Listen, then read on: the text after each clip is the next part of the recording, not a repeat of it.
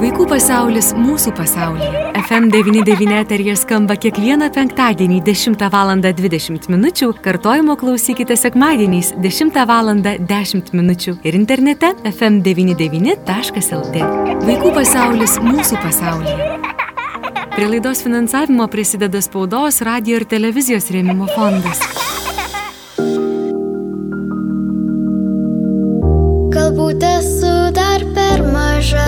Suprasti. Beribę meilę tik jaučiu. Lyg vandenyno tolį vėl pamačius.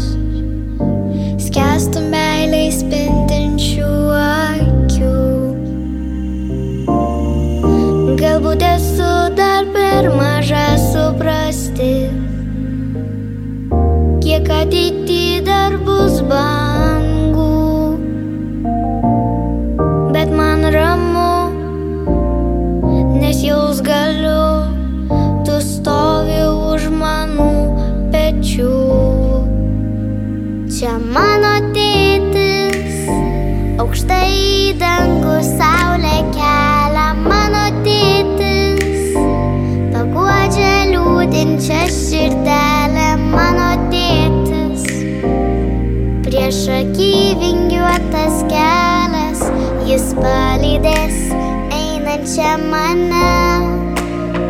Čia mano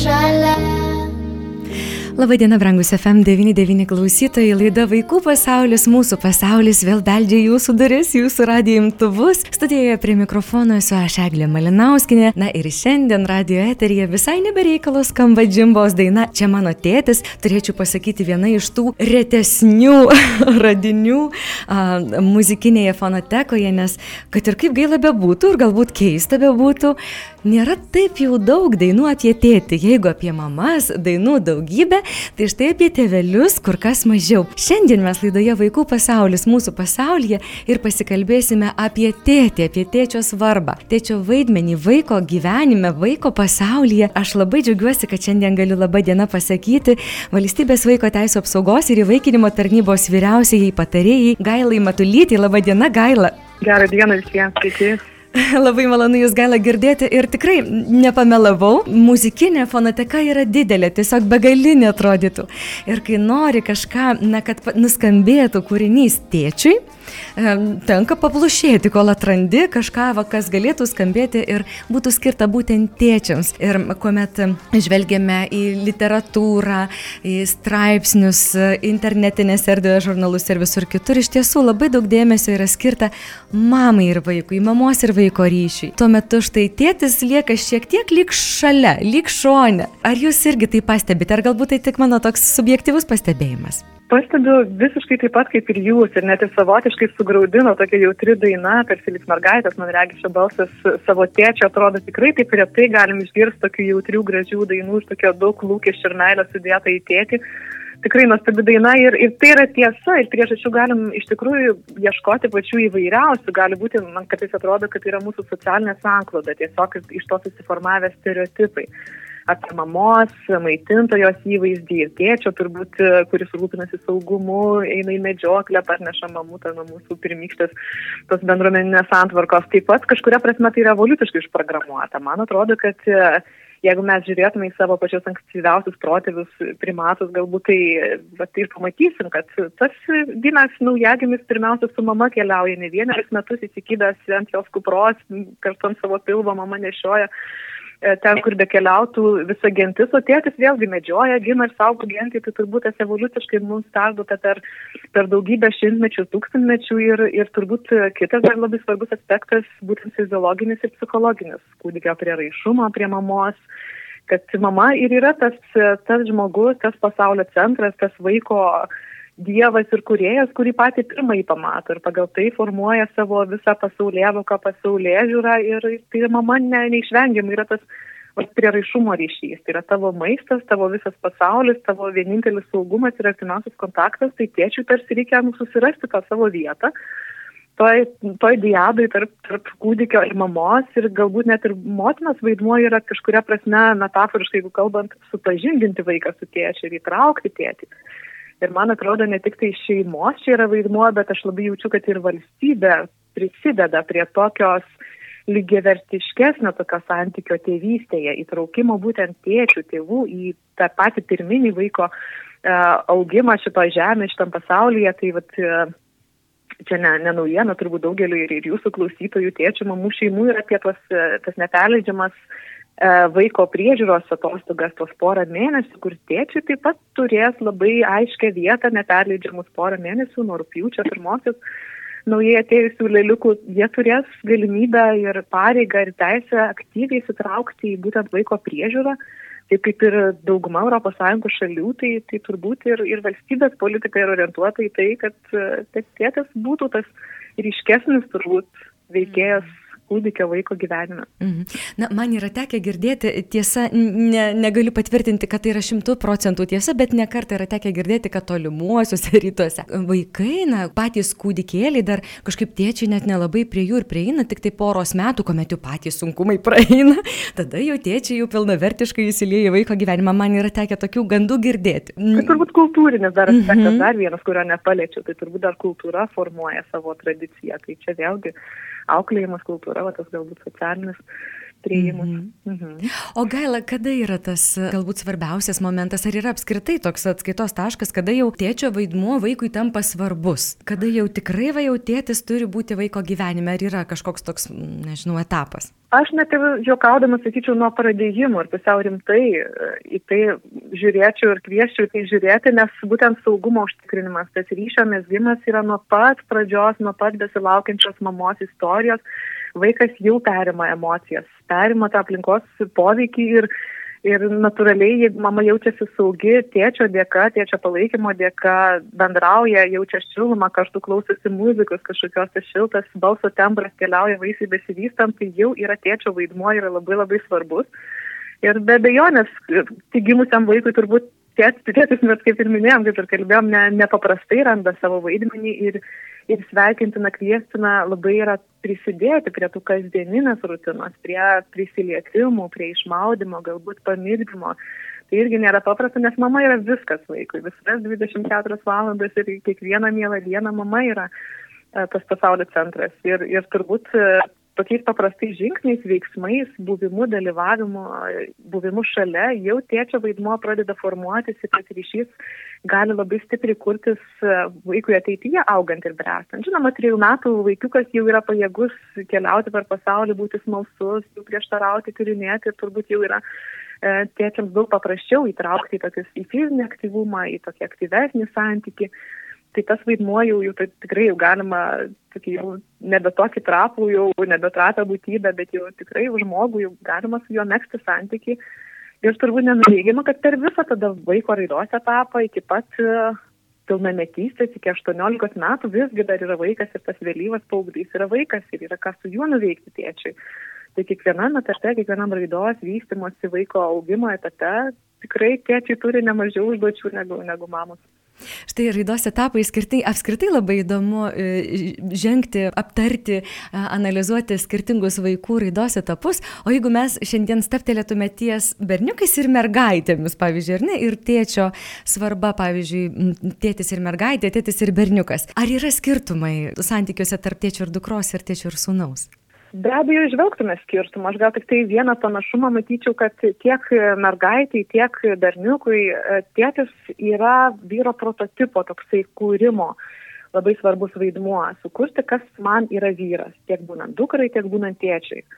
Ir skirtingumas prasideda tik tai turbūt irgi pagal skirtingas lytis. Berniukui tai dažnai yra toks vat vyriškumo, autoriteto pavyzdys. Uh, vaikas mokosi iš tėčio tokių labai praktinių dalykų, mes kartais ir mokslininkai, psichologai kartais net ir išskiria tėčio tam tikrus kognityvinius gebėjimus, geba logiškai mąstyti, orientuotis geriau erdvėje. Yra tokių labai įvairių tyrimų padaryta, kur, kur išsiskiria vyriškos ir moteriškos savybės, tai berniukui būtent tas toks e, ryštingumas, veržlumas, galbūt e, noras išmokti apsaugoti kitą, logika, rizikavimas, daug dalykų jis mokosi iš tėčio, taip kaip tėtis elgesi, kaip bendrauja su savo sunumi, būtent ir perima šitas savybės ir jas vyksto, ugdo, jie stėdėsi. Kita vertus, jeigu nėra to kontakto berniuko ir tėčio, sunaus ir tėčio, tai, tai turbūt tos vyriškosios savybės, ta vyriška energija yra užgniaužta ir vaikas tada užgniaužta, vėl žlumą tampa turbūt labai drovus, nedrįsta rizikuoti, e, įgyja daug baimių, kurias tenka per gyvenimą vėliau įveikti, tai tikrai tėčio vaidmo berniukui be galo yra svarbus. Ir mes, ką ir pastebim, turbūt ir, ir ūkdymo sistemose, tarsi trūksta tos vyriškos lyderystės, to tokio tėviško vaidmens. Ir, ir berniukai turi tada ieškoti, jeigu neturi savo aplinkoje, ne, ne, ne, nepasiseka su tėčiu arba įvairios aplinkybės susiklosto, tai tikrai berniukas tiedėsi autoritetai, tą vyro, vyro vaidmenį Tuo tarpu mergaitėms e, nenuneigiamai irgi svarbus tėčio vaidmuo ir turbūt keletų aspektų galima būtų išskirti. E, pirmiausia, pačios mergaitės savigarba, savivertė, toks savivaizdis taip pat formuojasi tėčio dėka, nes mergaitės labai laukia nuo ankstyvo amžiaus, e, nuo vaikystės laukia to tėčio žvilgsnio, tėčio pritarimo, tėčio žavėjimus ir padrasinimo. Ir apie tai formuojas mergaitės dažniausiai pasitikėjimas, jeigu sulaukia to pagirimo, padrasimo, o ne priešingai nuvertinimo, menkinimo, kažkokios pašaitos, neatsargios kritikos galbūt. Tai viskas, vat, jeigu tik tai darant tokias klaidas, galbūt nesąmoningai, vat, mergaitės savivertė ir toks savivaizdis, savigarba bliūkšta jai tenka per gyvenimą keliaujant turbūt ją bandyti atstatinėti. O jeigu pasiseka, jeigu pavyksta, jeigu tėtis yra sąmoningas ir atsakingas, tai tikrai gali sukurti nuostabią nuostabią asmenybę iš, iš, savo, iš, iš tos mergaitės, iš savo dukros kartu, kartu šeimoje. O kitas yra aspektas, mergaitai formuojasi tos lyties, priešingosios lyties idealo modelis pagal tėtį. Ir dažniausiai mes turbūt idealizuojam e, tas savybės, kurias mes sutikome vaikystėje, būtent tėčio vaidmenyje. Tėtis buvo labai svarbus, tėtis buvo viskas mums mergaitėms. Taigi net nesvarbu, jeigu net ir galbūt problematiškas kažkoks bendravimo būdas ir kartais mergaitėms jis ir išlieka toksai saugus, būtent ir pritraukiame ateityje kažkaip pat savo partnerystėse panašius į tėtį, nes mes žinom, kaip išbūti tokiose situacijose. Ar tai idealus tėtis, ar tai būtent su kažkokiam sudėtingam savybėm, nes tai tas atpažįstamumas pritraukia partnerystę. Mm -hmm. Tėtis svarbus abiems. Iš tiesų, gaila, dabar galvoju, jūsų klausydama, kad yra tikrai, va kalbėjom pokalbio pradžioje, yra etapas ir yra dalykų, kur, na, tėtis tikrai niekaip negali atstoti mamos, ar ne? Bet klausydama jūsų dabar irgi suprantu, kad yra dalykų, kur mama negali niekaip atstoti tėčio, ar ne? Būtent, būtent. Žinoma, pastangų mes žinom, kad tikrai tos mamos, kurios augina vienos vaikus, deda didžiulės pastangas, daugeliu pavyksta atstoti tą saugumą ir aktyvų, tą fizinį bendravimą. Turbūt tikrai, kai nėra ką pasirinkti, tos mamos tampa super, super herojėmis, tai, tai tikrai bando užpildyti, bet tas balansas yra labai labai reikalingas vaikams. Mhm. Ir čia turbūt kalbama ne tik apie, sakykime, fizinį tėčio nebuvimą, ar ne? Gali būti tėtis, bet jisai su vaikais į kontaktą neina, na, nėra ryšio kažkokio. Tai jeigu mes mėgintume taip žvilgtelėti keletą portretų, vaikas, kuris auga jausdamas tėčio meilę, dėmesį ir vaikas, kuris to neturi ir mėgintume žvilgtelti jų raidą, jų savivertę, pasaulyje jau tą pagaliau, kaip tai vaikai auga. Ar tie paveikslai būtų labai skirtingi ir ar į ateitį ateitį žengdamas vaikas, na, nešasi kažkokias pasiekmes iš to buvimo su tėčiu, augimo su tėčiu ir be jo? Tai vienareikšmiškai taip. Ir aš pati domiuosi psichologiją, studijuoju ir tenka nemažai jo taip gilintis į šitas rytis ir man kartais kyla toks, nežinau, tikėjimas, kad kartais yra baisiau tai, ko tėtis nepadaro negu tai, ką padaro. Ne, mes tiesiog pažįstam tam tikras smurto rušis, galbūt kažkokį psichologinį smurtą, neatsargių žodžius, mes tarsi atpažįstam, kas sužydė vaiką. Bet būtent emocinis neprieinamumas, tas nebuvimas emociškai šalia vaiko, ką jūs kalbate apie meilę, dėmesį, tokią reiškimą, buvimą, tokį sąmoningą pilnavertį ir vaikui dažnai susiformuoja toks, toks tuštumos jausmą gyvenime, tarsi kažko trūksta visada, tarsi aš turiu, ką tėvai dažnai sako, pamaitintas, aprengtas, kodėl dar tu kažkokių turi kitų čia poreikių, keli kažkokius tai e, lūkesčius didžiulius. Tai visgi tas emocinis, emocinė šiluma, emocinis buvimas šalia yra be galo svarbus, nes paskui vėlgi keliauja, ką jūs klausėt, kaip paveikia į priekį pasaulyje, voką pasaulyje, tą saugumo ar nesaugumo jausmą pasaulyje, tai vaikas iš tikrųjų gali labai blaškytis ilgą laiką ir bandyti tą tuštumą užpildyti, tada turbūt netinkamai santykiais, galbūt kažkokiais žalingais, ekstremaliais poreikiais, poveikiais tam, kad bandyti savo tą susikurti meilę, dėmesį iš kitų, iš ten, kur iš tiesų nepripildo. Ir kai visada atsigrėžiam atgal, suaugę žmonės į savo vaikystę, mes ir pamatom tada, kad būtent turbūt ir trūko to tėvo buvimo, tėčio, tėčio vaidmens, ne tik tai ištiesiant galbūt kažkokio pinigų kupiūrą, pasirūpinant kažkokiais fiziniais baziniais poreikiais, bet būtent pasirūpinant tuo emociniu saugumu, užtikrinant emocinius poreikius. Tai čia turbūt kažkoks didžiausias poveikis gali būti ir būtent emocinis poveikis. Ir, ir reikia tada keliauti per gyvenimą, bandyti susigražinti tą dėmesį, meilę, susikurti ją. Mhm. Bet iš savo tos naujosios aplinkos. Tikrai idealių nebūna žmonių, nors norisi, tikrai norisi būti ger, geriausiu tėčiu, geriausia mama, kaip tik tai įmanoma. Ar įmanoma gaila to kažkaip išmokti, jeigu, sakykime, pavyzdžio neturėjai? Aš taip pat labiau būčiau linkusi tikėti, kad negimstama nei idealių žmogumi, nei idealių tėčių, tiesiog tai tampa duotybė, pareiga, kažkokia misija, kuri kurią arba pasirenka, arba jie atsitinka šeimai, tėčiams ir mamoms. Ir taip pat aš labai tikiu neuro, smegenų neuroplastiškumo idėja. Mūsų smegenys keičiasi, jos lavėja, ugdosi, keit, ir tiesiog mes esam labai pajėgus visą gyvenimą mokytis naujų dalykų ir būtent aukti. Tai tikrai yra, jeigu tik tai yra toks noras, vidinė motivacija mokytis, tobulėti, atpažinti savo klaidas, iš jų pasimokyti, pripažinti, atsiprašyti savo vaiko, kalbėtis. Tai be galo daug dalykų mes galim keisti ir išmokti. Tai, tai galbūt esminiai asmenybiniai dalykai, prigimtiniai ar paveldėti, jie kažkaip ženkliai nesikeis, bet elgesys, elgsena tikrai gali keisti žmogaus ir tik tai nuo paties uh, paties, paties asmens, nuo to paties tėčio priklauso, kiek jisai pats nori tobulėti, nes galimybės yra neribotas, ypatingai šitam informacinėme amžiuje. Tai ne tik tai aš kvieščiau telktis į tokią e, teorinę dalį, suprasti apie vaiką, apie raidą, apie savo kaip tėčio turbūt vaidmenis, tam tikrus apie galimybės e, išpildyti tos vaidmenis. E, tačiau ir į praktiką, į tokį vat, bendravimą su kitais tėčiais, pasitarti, kad e, turbūt ne ne jums vieniems ištiko kažkokios sudėtingos situacijos. Visi tėčiai, visos mamos keliauja per įvairius iššūkius ir, ir toks bendražmogiškas, e, bendražmogiškas supratimas tarsi padeda juos įveikti, pamatyti, kad ir kiti keliauja per tos pačius sunkumus ir tada vat, kartu mokytis, apsitarti. Taip pat yra psichologinė pagalba, emocinė pagalba tėčiams, tai galima drąsiai kreiptis į profesionalus, nes neprivalome nei vieną žinoti. Visko ir apie viską, ir apie tą pačią tėvystę, būti sąmoningi nuo pat pirmos e, kūdikio gimimo ar pradėjimo akimirkas. Na tikrai ne, tai aš labai kviečiu tą idealizaciją nusijimti ir kažkaip būti tiesiog žmogumi, būti tėčiu ir stiektis, nes to išmokti, tą tobulinti, tą vaidmenį, tą gebėjimą, tą nuoširdumą, tą pačią empatiją, emocinį raštingumą, be jokios abejonės visą gyvenimą galime tobulinti ir mokytis. Na, jūs tikrai tokį, tokią auksinę frazę pasakėte, nereikia bijoti nusimti tą ideališkumą ar ne, norą būti idealiu. Ties šiuo sakinuku norėčiau irgi šiek tiek staptelt.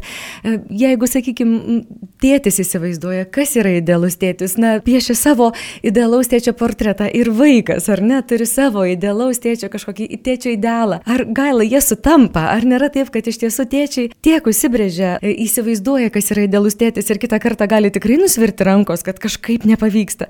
Ir vaikas žino, įsivaizduoja, kas yra idealus tėtis. Ar ne per daug kartais iš tiesų tų reikalavimų savo tėčiai kelia ir sutampa tie siekiai idealaus tėčio tie portretai vaiko akimis ir tėčio? Čia turbūt vėlgi labai individualiai ir įvairiai atsitinka, e, bet jeigu taip apibendrinant, tai galima tiesiog pažiūrėti, kad tas tėtis nukeliavo gerokai ilgesnį amžiaus tarpsnį ir jau jis kažko per šitą savo gyvenimą prisiklausė, išmoko, pamatė pavyzdžių, tų tokių, kaip aš kartais sakau, instagraminių socialinių tinklų gerosios šeimos pavyzdžių ir galbūt susikėlė savo tokius perdėtus lūkesčius ir plaka save, graužiasi, kaltina save dėl to, kad netitinka to idealaus modelio, apie kurį rašomos knygos, rodomi filmai, keliamos gražios nuotraukos socialiniuose tinkluose, tai turbūt tėčio galbūt tas paveikslas gali būti idealizuotas, bet vėlgi mes pamatykime skirtingus tėčius, ar ne, kai kurie tiesiog tėvai keliauja per įvairius sunkumus ir jų paveikslas labai toli kito idealaus, jie nekelia savo lūkesčio, jie bando kitus įveikti iššūkius.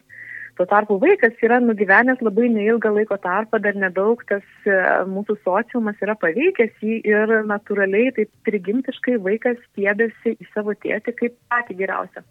Ir turbūt kiekvienas galėtų patvirtinti, tiek mamos, tiek tėčiai, kad jų vaikai yra patys nuostabiausi ir vaikams lygiai taip pat jų tėtis ir jų mama yra patys geriausi, tas paveikslas yra labai dėlus, nepaisant, kas be nutiktų. Ir žiūrėkime, mes ir savo tarnyboje taip pat stebim tą patį reiškinį, ypatingai kai, kai iššūkis susitinka šeima, kai tenka atsiboti e, šeimos narius vaiką. Tai vaikas bet kada veržiasi grįžti pas savo mamą, pas savo tėtį, savo šeimą, nes ten yra tas būtent saugumas, tas idealizuotas paveikslas, kur jie nori būti, kuriems yra pažįstama, kuriems saugu, kuriems yra jų suprantama meilė, jų yra prieraišumas. Tai, tai tikrai tie paveikslai gali skirtis. Aišku, vaikui viena vertus galbūt idealiausias tėtis tas, kuris nuperka saldainį ir do, dovanas yra jo meilės kalba, tėčio meilės kalba. Bet pažiūrėkime, jeigu grįžta, pavyzdį galima pagalvoti iš, sakykime, kelionės, tolimų reisų ar kažkokios ilgesnio, ilgesnio atstumo grįžta tėtis į šeimą, dovanas džiugina labai laikinai tą vaiką.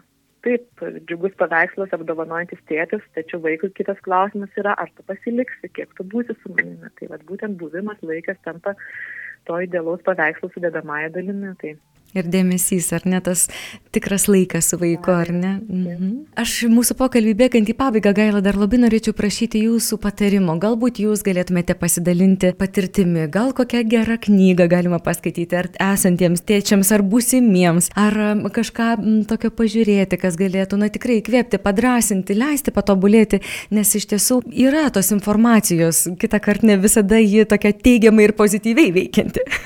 Taip, visko yra tikrai informacinis amžius kuris mums leidžia tiesiog, kaip aš kartais sakau, paguglinti ir rasit knygos tėvams, ne, ir rasit būsimo tėčio vadovą, kaip tos vaikus auklėti, užauginti žmogų, sąmoningą tėvystę. Aš, aš pati mėgstu knygas ir turiu savo mėgiamiausias, tačiau tėčius galbūt labiausiai kvieščiau į patyrimą į tokį bendruomenišką patyrimą ir man patinka, galėčiau paminėti keletą iniciatyvų, nežinau, kiek susiduria klausantis mus tėčiai gentys, yra labai puikiai vyrus jungianti sąmoningą bendruomenę. Tai ten turbūt tėvystė yra vienas iš tų klausimų, kuriuos tie vyrai gali ir aptarti tarpusavyje. Tikrai be galo įdomus ir tokie auginantis susitikimai vyksta gentyse, psichologų ir, ir besidominčių sąmoningų žmonių bendruomenė vadovaujama.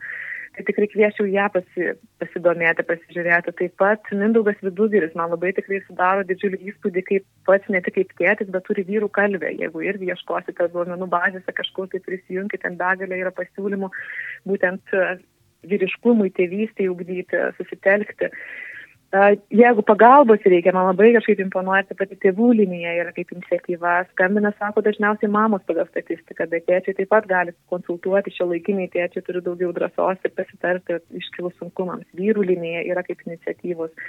Daugiau balanso ką aš kalbu, tai yra daugiau balanso.lt, tėvų linija.lt, vyrų linija.lt, tos duomenų bazės jos yra prieinamos ir ir kalba būtent tėčiams, šio laikiniams tėčiams, apie tą lygiavertiškumą partnerystėje, šeimoje, tėvystėje, mamystėje. Tai tikrai labai daug yra informacijos ir aš kvieščiau ne tik tai skaityti, bet ir įsitraukti, ir patirti, ir keliauti iššūkius, kas tėčiams, vyrams dažnai patinka ir priimtina ir šitaip aukti.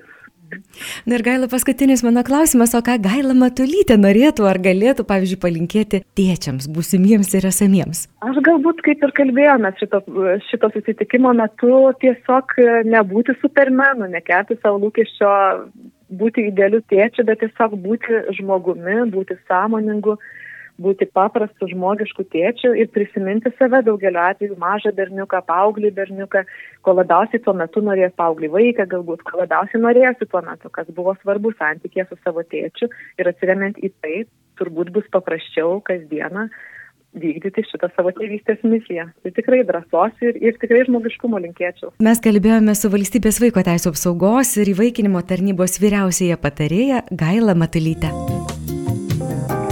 Pasaulis mūsų pasaulyje. Laida iš dalies finansuojama spaudos, radio ir televizijos rėmimo fondo.